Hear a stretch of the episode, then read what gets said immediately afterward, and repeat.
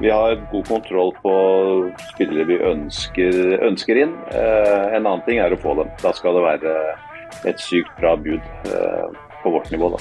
Det kommer bud, men eh, vi har ikke gjort noen ting for at det skal komme. Hva er han verdt i markedet, som du ser det nå? Vi vet jo at vi får pengene på et eller annet tidspunkt, men vi vet bare ikke når. Sesongkortet, en podkast fra Nettavisen. Det er 82 dager til, eh, til seriestart i Eliteserien. Det nærmer seg så smått. Vi har vært eh, på besøk av Tempen hos Bodø-Glimt-Vålerenga eh, enn så lenge. Stian, nå skal vi til Nadderud, og kanskje den klubben som inntil nyligst har signert og forsterka seg. Torgeir Bjarmann, velkommen til Eliteserien Silje Sissen. Takk for det. Dere har, eh, Når vi sitter her nå, så er det bare et par timer siden Kasper Høeg ble klar for klubben. Eh, kan du ikke si litt om det? det er jo, dere er jo ute i markedet. Hva er det dere er på jakt etter nå før, før seriestart? Eh, nei, vi er jo nyopprykka, så vi må jo forsterke oss på en del plasser. Eh, vi beholder jo stort sett eh, eh basisen i troppen fra i fjor. Og så ønsker vi selvfølgelig å lage mer konkurranse, og det skal bli tøffere å komme på laget Eh, i år. For jeg er på helt annet nivå å spille eliteserie. Så eh, vi har sett på en del. Vi har jo nå signert eh, tre spillere. da. det er Fredrik Haugen, og så er det jo Nicolas Valstad. Og så sistemann inn nå er Kasper Høeg foreløpig. Så vi vet ganske klart hvilke posisjoner vi ønsker mer konkurranse i. Og ja, tre så langt er jo Man er jo tidlig ute for Stabæk, da, for å si det mildt. hvilke, nå sitter sikkert Stabæk-fansen som hører det etter hvert og lurer på hvilke posisjoner er det dere har sett dere ut som dere vet dere skal forsterke, eller må forsterke? Nei, tar den kjedelige, da. Det er jo én i hvert ledd. Er ikke den uh, Den har vi hørt sånn, før. Sitt, sitt, ja, så vi sitter jo og prater, og så har vi jo spillere i alle, alle posisjoner i dag. Så man skal alltid vurdere litt hvor mye man skal si spesifikt hvilke posisjoner man uh, skal. Men det er jo noen posisjoner som er helt åpenbare at det skal spille inn, som f.eks. keeper hos oss. da. Så, mm. så, i år er det alle ledd uh, med keeper. Og, så um, Nå kom Kasper inn nå, så blir det nok vi kommer jo, Da har vi to spisser. Vi har jo han som skårer mål, i hvert fall. har gjort på nivå under. Så får vi se om han gjør det i år. Gift. Eh, det er jo det vanskeligste å finne, egentlig. Og så, så mm, Vi må nok ha én eh, spiss til, eh, så lenge Lars ønsker. Han spiller ofte med to spisser, og da er det greit å i hvert fall ha tre i troppen. Og så er det meningen at det skal komme noe yngre unnifra som fjerdemann. Det er jo kjent allerede at dere har hatt en del på prøvespill i vinter, en uke her også vel, Torgeir. En fra forskjellige kontinenter. Tobias Pachonik fra Tyskland, Taylor Davile fra USA og Jonas Halsene fra Stål Jørpeland. Og en, en svensk-iraner, uh, Arash Motagareb Jafarpour. Jeg vet ikke om du har bedre uttale av etternavn, eller om han går om som Arash Nei, enn så lenge hos dere? Eh, jeg syns etternavn Du klarte det veldig bra. Det er 19 bokstaver, så det er, heftig etternavn. Så vi holder oss til fornavn der på Arash.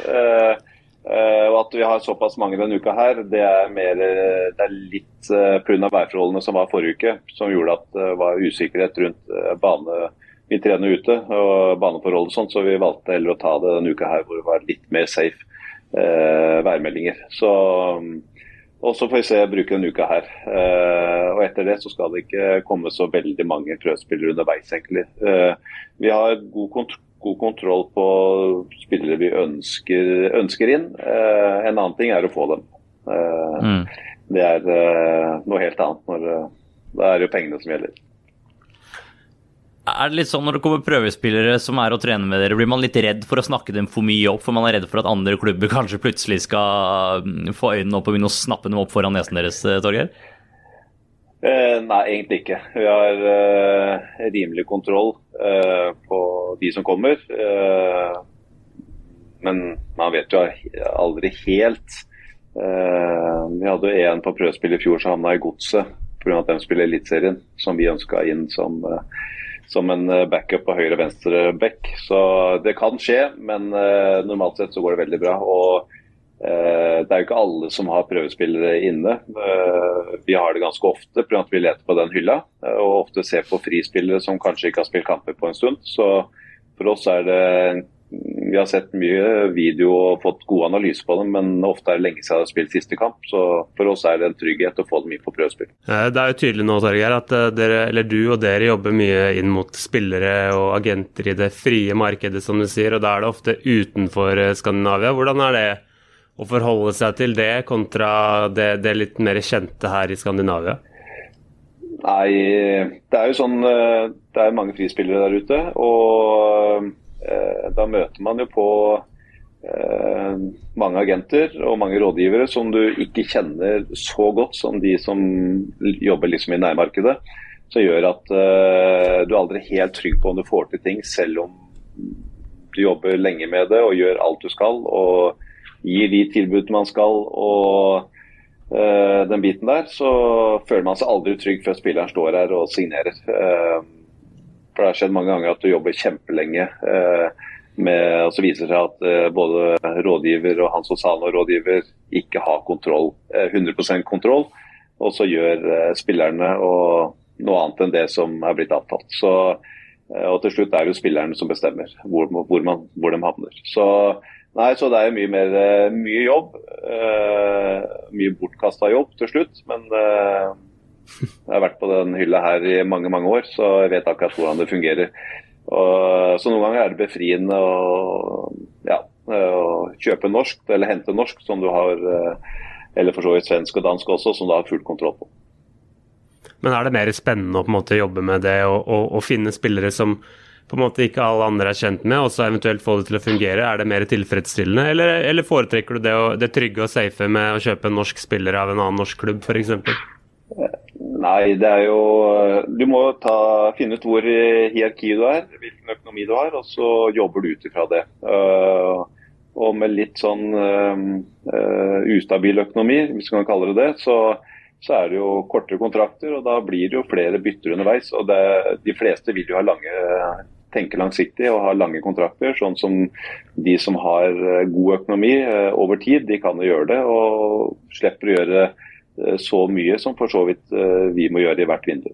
Så ser man jo nå siste ja, året, men også spesielt de siste ukene og, og måneden, at det har vært noen eh, gigantsalg ut av norsk fotball da, fra, fra toppklubbene i Eliteserien. Og så har jo dere en liten juvel da, på topp i Stabæk i Gift Orban, som du har nevnt tidligere. Eh, når du ser de summene det, det, det som sirkulerer nå, hva, hva er han verdt i markedet, som du ser det nå? Nei, nå, det veit jeg hva overskriften blir. Så tenker vi eh, kan jo si at vi kunne solgt den for en eh, OK sum som et nyopprykka lag. Eh, per nå så kunne vi eh, solgt den for en OK sum, men det skal vi ikke gjøre. Vi ønsker å beholde den i hvert fall til sommeren. Og så får vi får vi se hvordan det leveres uh, fram til det, det, vinduet. Men det er i hvert fall den kortsiktige planen som både spiller og, og for så vidt vi har lagt sammen. Da. Så får vi se. Det må jo leveres på banen, og så er det viktig at laget fungerer OK, sånn at han får bra service. Så det er alltid litt gambling. Du vet jo aldri hvordan ting vil gå, men i hvert fall nå så det, har vi ingen planer å selge han. da skal det være et sykt bra bud uh, på vårt nivå, da. Det var nøkternt, men greit. det var veldig nøkternt, litt kjedelig, men jeg slipper den overskrifta på den summen som jeg har satt på Git. da. Så du har, du har, en sum? Du har satt en sum? Nei, jeg, jeg har, man har jo alltid i bakhodet hva som er realistisk, hva som er en drømmesum. Og det, men vi har ingen prosesser i gang. Ofte setter du i gang litt salgsprosesser. Uh, og som gjerne kan ta et halvt år. eller sånt. Så vi, eh, men vi har ikke satt i gang noen ting. Eh, det kommer bud, men eh, vi har ikke gjort noen ting for at det skal komme. Så det blir nei til eh, alle frem til at det, det er sånn at det, det bikker over i litt sånn drøm. du, har, du, har, lang fartstid i bransjen, Torgeir, både som spiller og, og i lederroller i, i, fotballen. Folk utenfra, og vi også hører jo rykter om ville historier i overgangsvinduet, kanskje spesielt på, på deadline day. Har du noen noen som stikker seg ut som du husker eller har opplevd som er litt sånn utenom det vanlige når det kommer til eh, enten deadline day eller overgangsvindu eh, generelt? Nei Jeg kan ta Det var litt spesielt med Gift da, at vi valgte siste dagen å bare skulle registrere han for at han skulle få fortsette et prøvespill. Uh, uh, men uh, vi henta Henning Hauger, som jeg tror den gangen skulle til Da var han vel i Hanoffer og skulle tror han skulle til Stabæk, egentlig. Det visste jo ikke jeg, da. Mm.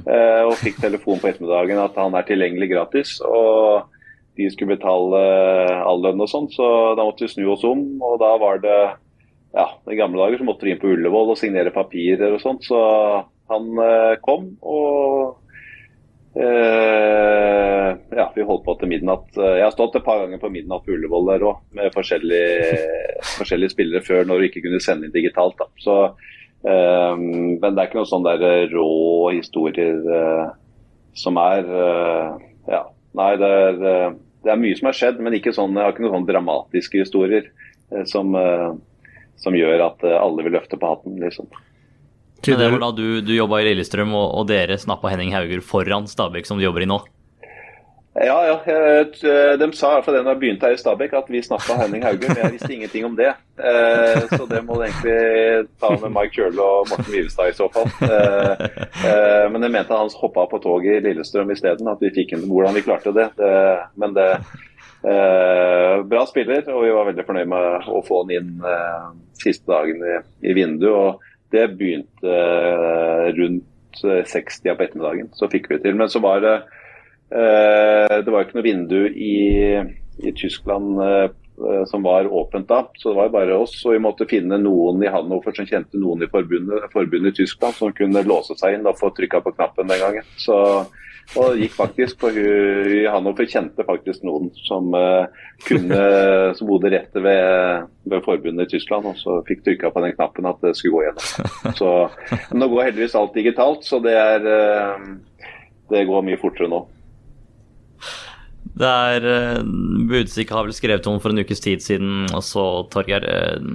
Etter overgangen fra, til, til Emil Bohin til CSKA Moskva så er det vel kjent at dere mangler 10 millioner kroner derfra fordi eh, etter at krigen brøt ut i eh, Ukraina, så er alle kontoer i Russland eh, fryst. Kan du si litt om hvor mye det påvirker dere nå i, i januar med tanke på midler til å kjøpe spillere når dere har 10 millioner kroner som dere ikke får, får utbetalt? Uh, det gjør jo at vi har uh, en mye strammere likviditet enn det som uh, var planlagt.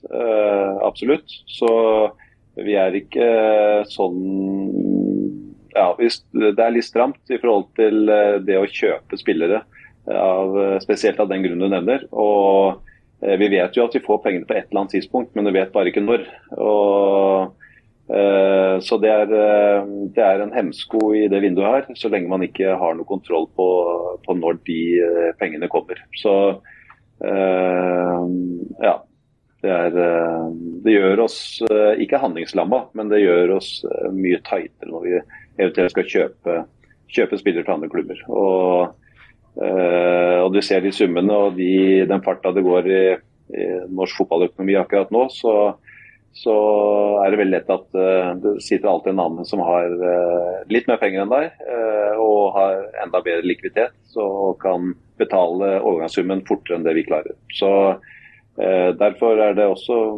gjør at vi er på det frimarkedet hvor vi slipper å betale så mye up front. Da. Har dere noe berettiget håp eller fått noen signaler om at de pengene kan ramle inn på konto før overgangsvinduet stenger i Norge, eller hva, hva slags signaler har dere fått der? Eh, da må jeg forholde meg til det daglig leder sier. Så eneste vi vet, vi får jo pengene. For CSKA Moskva vil jo betale og har prøvd det lenge.